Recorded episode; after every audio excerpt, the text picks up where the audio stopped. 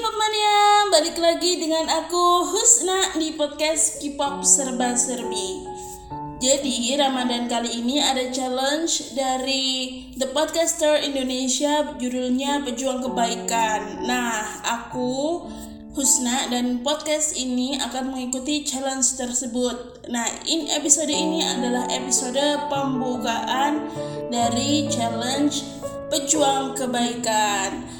Nah, pada episode pembukaan ini aku ingin cerita gimana sih cerita-cerita Ramadan aku selama ya kurang lebih 25 tahun hidup aku baik secara uh, sebagai seorang K-popers atau sebagai seorang perempuan biasa. Oke. Okay. Tapi sebelum aku memulai tema pembicaraan mengenai tema tersebut, aku ingin mengucapkan selamat berpuasa bagi teman-teman yang puasa dan selamat merayakan Hari Raya Galungan buat teman-teman yang juga merayakan Hari Raya Galungan, terutama yang di Bali atau di mana pun itu. Selamat merayakan Hari Raya Galungan dan selamat berpuasa. Jadi episode kali ini aku ingin menceritakan mengenai pengalaman Ramadan aku yang paling berkesan. Which is nggak semuanya positif, karena aku punya satu pengalaman buruk tentang Ramadan dan itu mungkin gak akan aku lupakan. Mari kita awali dengan pengalaman buruk tersebut. Tara tara tara.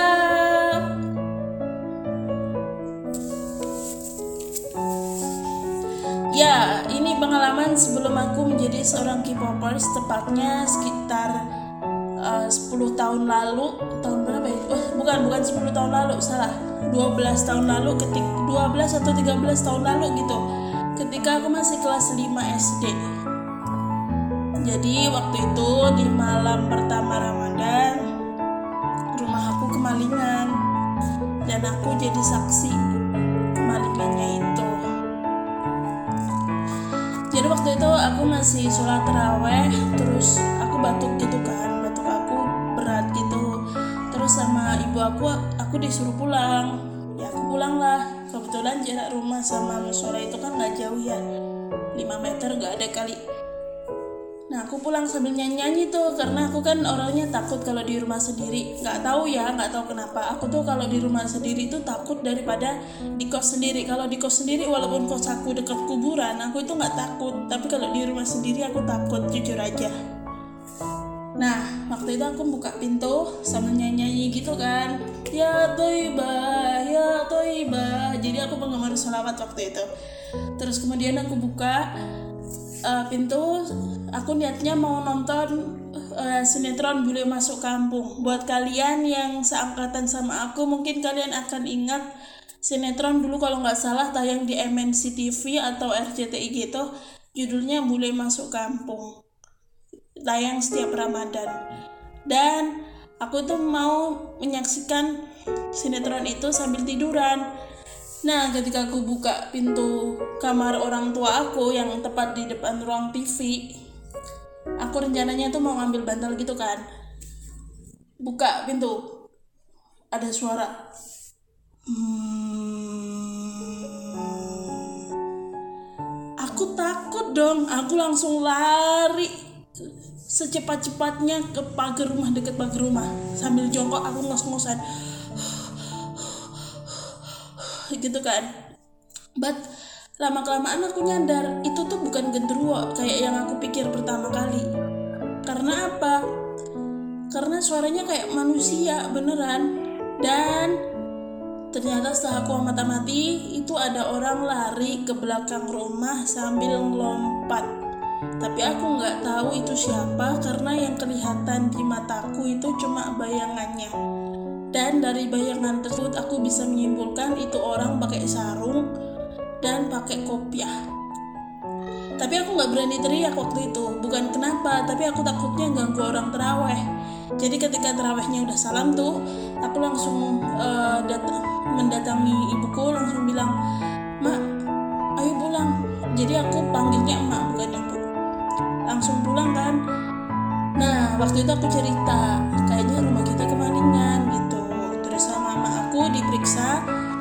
benar ada duit hilang 100 ribu. Pada waktu itu lumayan gede juga sekarang masih lumayan gede sih. Terus juga ada beberapa perhiasan yang hilang termasuk antingnya kakak aku. But ya orang tua aku bilang untung aja kamu nggak masuk ke dalam kamar.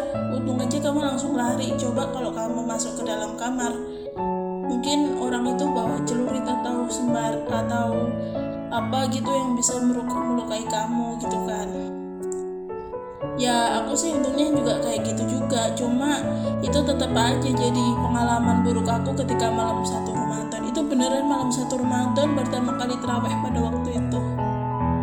Sedih kan malam satu Ramadan ternyata ada uh, kenangan buruk kayak gitu. Dan waktu itu nggak bisa panggil polisi karena kita nggak punya bukti apa pun. Nggak punya saksi nggak punya bukti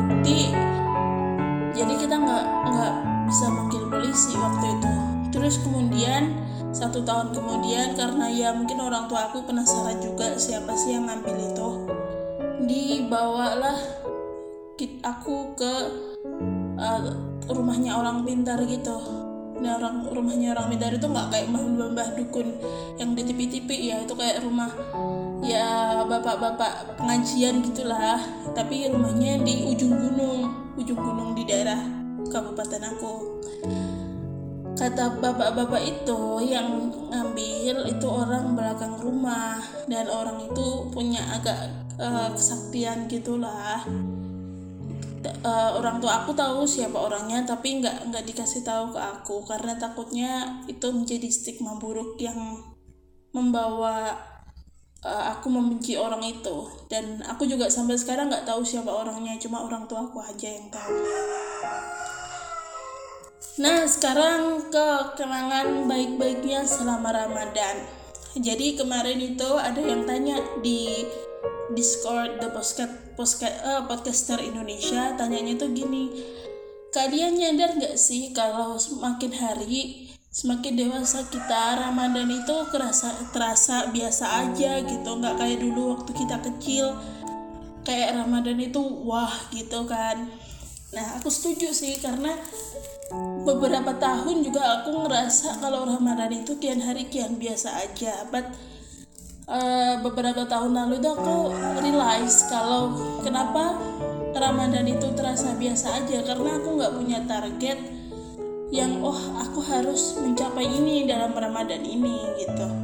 Aku harus menikmati Ramadan ini sebaik-baiknya dengan cara menantang diriku untuk mencapai sesuatu ketika Ramadan ini dan uh, untuk tahun ini salah satu targetku itu adalah menyelesaikan challenge pejuang kebaikan. Jadi mungkin aku akan lebih upload podcast lebih sering daripada yang kemarin-kemarin yang cuma satu minggu sekali. Nah pada Ramadan kali ini aku ingin uh, episodeku yang aku upload itu akan lebih banyak sesuai dengan tema yang diangkat pejuang kebaikan. Gak tahu nih kenapa ayam belakang rumah rame banget. Jam segini berkokok telat banget uh, pengalaman aku yang ingin aku share pertama itu adalah ketika aku masih di pesantren terus aku punya target kalau aku Ramadan kali ini harus bisa menghatamkan kitab yang namanya Fathul Qorib jadi buat kalian yang tahu Fathul Qorib kitabnya itu tebel gitu kan tebel kira-kira 300-400 halaman lah.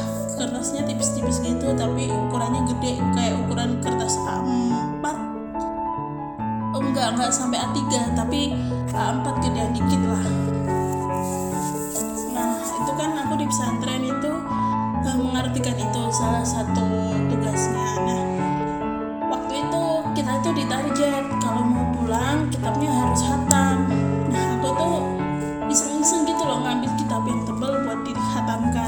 banyak juga kitab yang lebih tipis yang ditawarkan. Jadi kalau di pesantren aku waktu itu itu sistemnya kayak kuliah gitu. Jadi kita bisa milih uh, kitab mana yang mau kita kaji dan mau kita hatamkan selama Ramadan itu. Nah aku tuh iseng milih kitab Fathul Qorib tersebut. Iseng aja gitu ngambil Fathul Qorib itu dan aku target pokoknya aku harus khatam kitab ini ketika Ramadan kali ini. Jadi aku nggak nggak cuma milih Fathul Qorib aja. Milih beberapa kitab lain yang lebih tipis juga untuk aku hatamkan. Nah karena aku punya target itu aku jadi ngejar tuh. Mau nggak mau aku harus hatamkan ini. Harus aku ikutin semua kajian kelasnya nggak boleh bolos.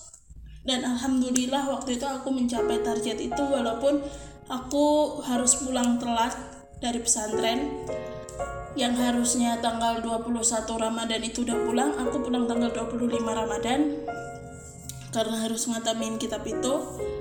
But I feel satisfied about my experience in that time karena aku udah menghatamkan Fatul Qorib dan juga uh, aku berhasil mengikuti challenge yang ada di pesantrenku waktu itu yaitu balapan menghatamkan Al-Quran sebanyak-banyaknya. Nanti kamar yang uh, hatam paling banyak akan diberi hadiah. Kamar aku nggak nggak dapat hadiah sih tapi aku seneng aja gitu. Jadi kayak tiap hari aku bisa satu jus setiap hari bisa satu jus. Itu kayak accomplishment buat aku kayak achievement buat aku gitu. Jadi aku merasa itu salah satu uh, Ramadan yang paling berkesan buat aku karena aku pertama kali pulang telat. Biasanya tanggal 21 udah pulang terus menghatamkan kitab yang notabene tebel terus juga bisa ikut challenge bareng teman-teman aku membaca Al-Quran sebanyak mungkin. Itu ketika aku kelas 2 SMA kalau nggak salah. Itu jadwalnya itu tight banget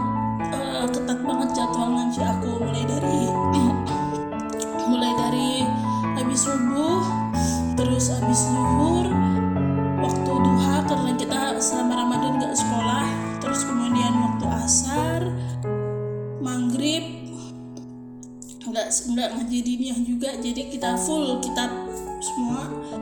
Terus kemudian ada yang aku ambil itu kelas malam. Jadi sekitar mulai jam 9 selesai jam 11 malam. Satu faktor lagi kenapa Ramadan waktu itu berkesan itu adalah aku ngambil pelajaran yang semuanya gimana ya gurunya itu enak-enak gitu. Jadi nggak cuma mengartikan lafat-lafat Arab tapi sama beliau itu diterjemahkan dengan bahasa yang mudah ditangkap terus sometimes juga dikasih cerita-cerita yang membuat kita merasa wah enak ini kelasnya asik gitu. Jadi nggak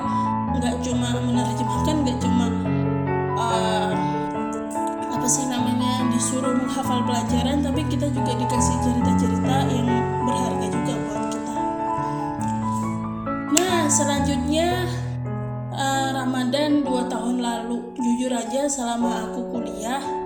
Ramadan itu nggak terlalu berkesan buat aku. Karena apa? Karena aku juga di pesantren. Dan apa ya?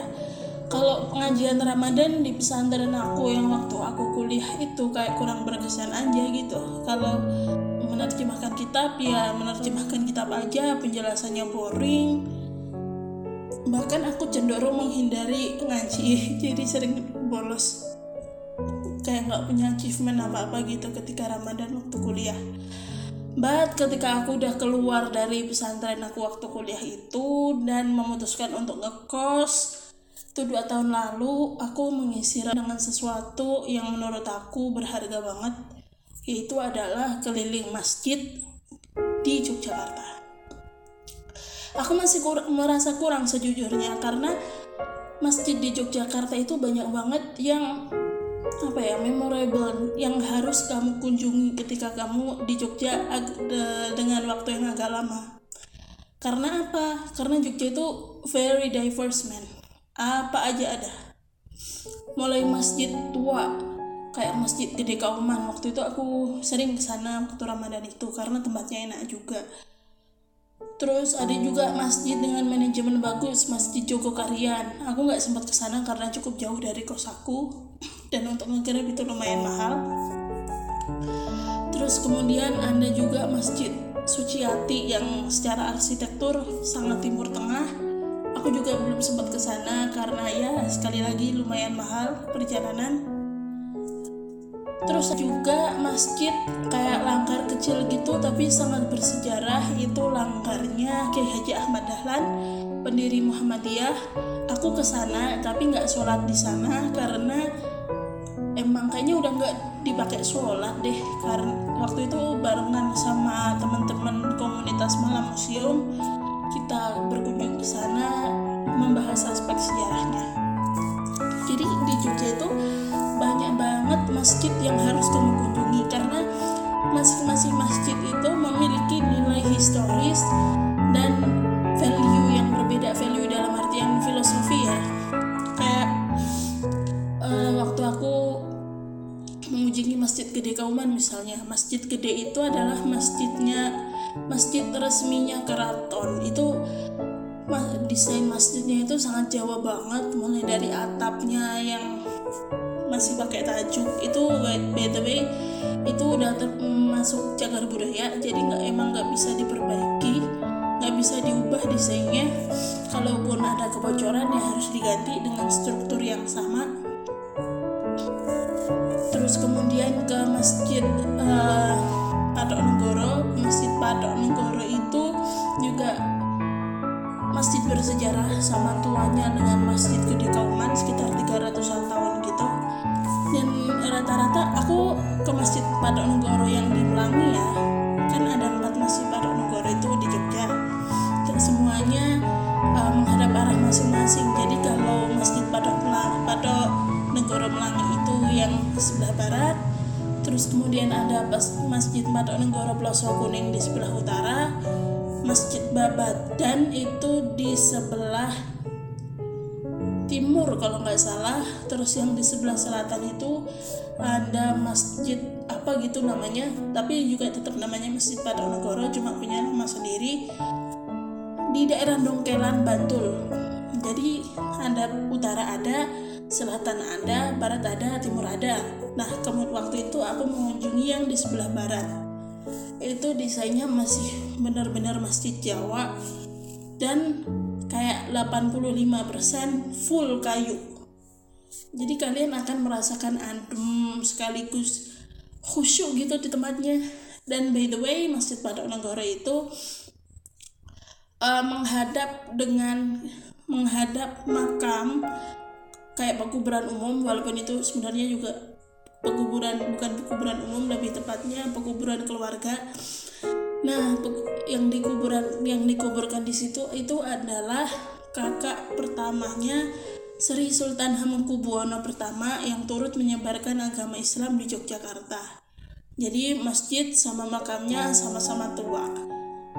Dan di situ aku uh, apa sih namanya berkesempatan untuk ngaji di situ berkesempatan untuk ziarah juga yang aku sesali itu adalah aku belum sempat ke Masjid Suci Ati, belum sempat ke Masjid Joko Karian, belum sempat ke Masjid Kota Gede. Masjid Kota Gede itu adalah salah satu masjid tertua juga di Yogyakarta dan di Jawa. Itu didirikan pada masa Sultan Agung Hanyokrokusumo sekitar 400 tahun lalu jadi lebih tua daripada Masjid Kauman dan Masjid Batu Negoro lebih tua sekitar 100 tahunan dan itu desainnya kayak candi gitu. Pagarnya itu kayak candi gitu. Walaupun itu sebenarnya masjid. Aku pengen banget ke sana kapan-kapan. Kalau ke Jogja lagi aku ingin ke sana. Terus juga yang membuat aku nggak melupakan Ramadan dua tahun lalu itu adalah uh, sholat tarawih di Jogja itu sangat tergantung imam. Kenapa aku bilang sangat tergantung imam? Karena ada kalanya 8 rakaat dua kali salam jadi 4 rakaat terus salam 4 rakaat terus salam. Tapi ada juga 8 rakaat 4 kali salam jadi dua rakaat uh, satu kali salam dua rakaat satu kali salam. Dan itu tergantung nggak cuma tergantung masjid tapi tergantung imam. Jadi ada kalanya satu masjid dengan imam berbeda itu tata cara sholatnya juga beda gitu itu unik aja sih menurut aku. Aku nggak bilang itu salah atau benar tapi unik gitu. Itu pengalaman yang nggak akan aku dapatkan di daerah lain. Uh, kecuali kalau kalian datang ke masjid yang udah ada platnya NU karena apa? Kalau NU itu pasti 23 rakaat. Setiap dua rakaat itu salam. Jadi udah di mana udah di mana pun itu. Kalau ada plakatnya NU pasti kalau nggak ada ya lihat-lihat nanti siapa imamnya gimana salatnya. Kadang ada khutbahnya kadang ada enggak tapi banyak kan ada khutbahnya. Lebih sial lagi kalau kal aku nggak tahu ini sial atau enggak ya. Karena aku tuh waktu itu nggak memperkirakan sama sekali. Jadi malam Jumat aku ke Masjid Gede Kauman. Sholat terawih di sana nggak taunya itu 8 rakaat 4 kali salam tapi per rakaat itu kira-kira ya satu lembar Al-Quran gitulah. Jadi satu satu kali terawih itu satu juz. Lama banget berdirinya aku nggak tahan. Aku langsung memisahkan diri waktu itu. Udah nggak nggak nggak akan terawih malam Jumat di Masjid Gede Kauman lagi. Tapi ngajinya itu enak banget sebenarnya. Ngajinya itu enak banget. Jadi imamnya itu kayak kori gitu. Jadi pembaca Al-Quran yang udah profesional. Tapi karena lama aku nggak betah tetepan jadi aku mundur. Mundur dari jamaah. Mundur dari jamaah bukan berarti sholatnya batal loh ya. Cuma jamaahnya aja yang batal.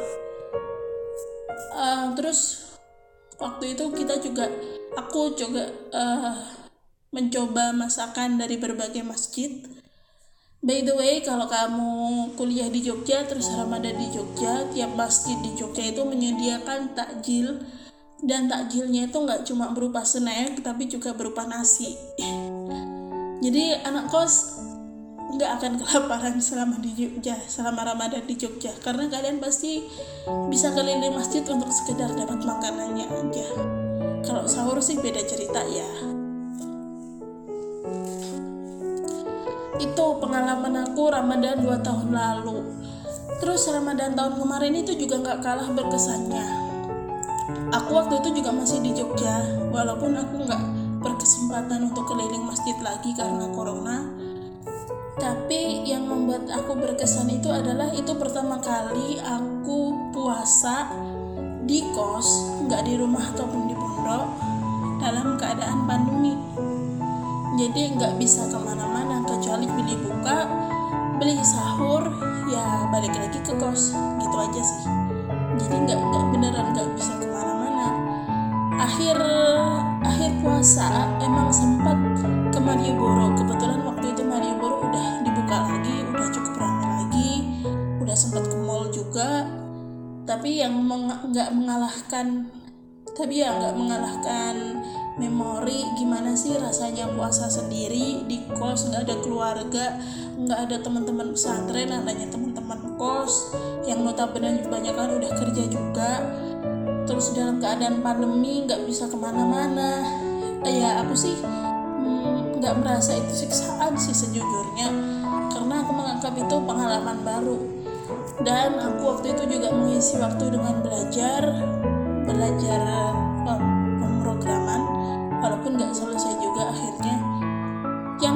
berakibat itu kalau malam nggak bisa tidur. Jadi kalau kalian buka maghrib terus tidur sekitar jam 10 bangun sahur terus kemudian beraktivitas sampai buka aku kebalikannya.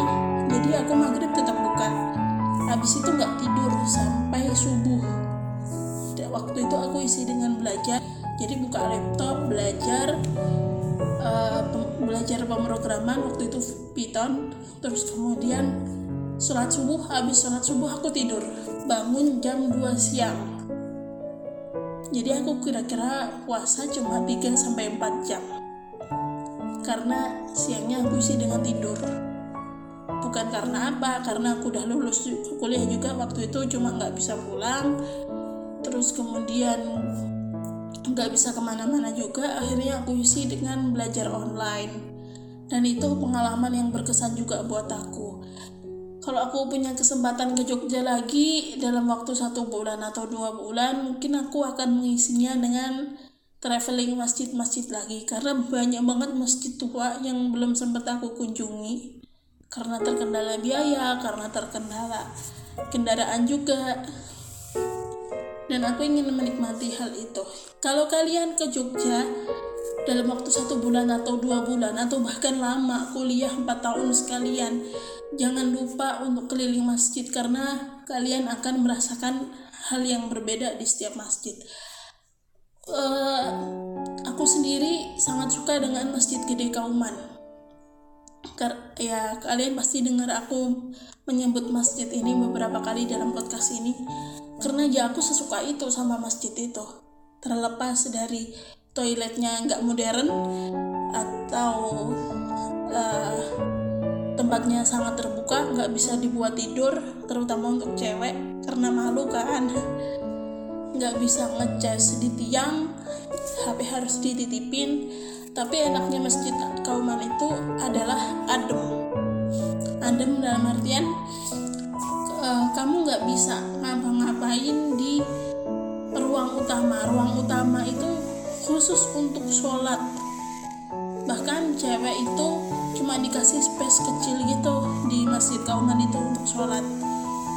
Dan uh, mayoritas cewek jemaah cewek itu sholatnya di selasar dan di selasar itu kalian bisa uh, mengadakan banyak kegiatan mulai dari pengajian mulai dari ngaji individu mulai dari belajar bahkan tidur untuk jemaah cowok. Karena jemaah cewek pasti malu kan tidur di tempat terbuka.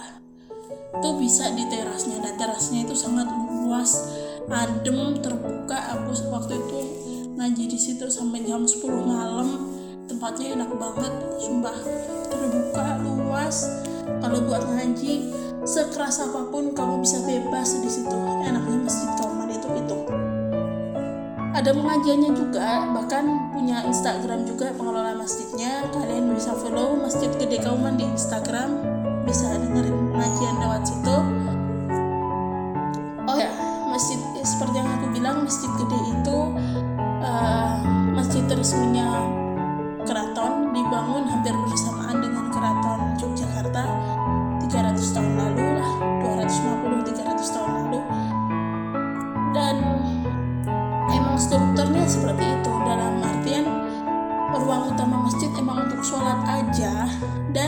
selasar masjid itu untuk kegiatan kemasyarakatan kayak kegiatan pengadilan uh, peradilan pidana ya.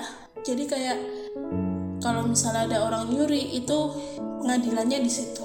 Tapi uh, ngasih hukumannya itu di alun-alun utara depannya masjid gitu. Itu kalau pidana kalau perdata hukum perdata zaman kesultanan itu itu di Masjid Penegoro perdata dan hukum-hukum kemasyarakatan daerah itu di Masjid Patok Negoro yang empat arah tadi. Kalau pihak pengelola Masjid Patok Negoro udah nggak bisa menangani kasus tertentu karena satu dan lain hal baru diarahkan ke pusat ke Masjid Gede Kakuman. Nah itu salah satu value sejarahnya. Kenapa aku suka keliling masjid di Yogyakarta. Itu pengalaman Ramadan aku sebagai pembuka challenge pejuang kebaikan. Dengerin uh, podcast aku yang tema pejuang kebaikan lainnya di podcast K-pop serba serbi. Aku tetap akan bahas K-pop dan apa pun tentang K-pop, tapi untuk Ramadan kali ini aku juga akan membahas pejuang kebaikan tema-tema yang diajukan di podcast uh, di challenge pejuang kebaikan. Jadi tetap dengerin podcast K-pop serba serbi dan nantikan episode selanjutnya. Bye bye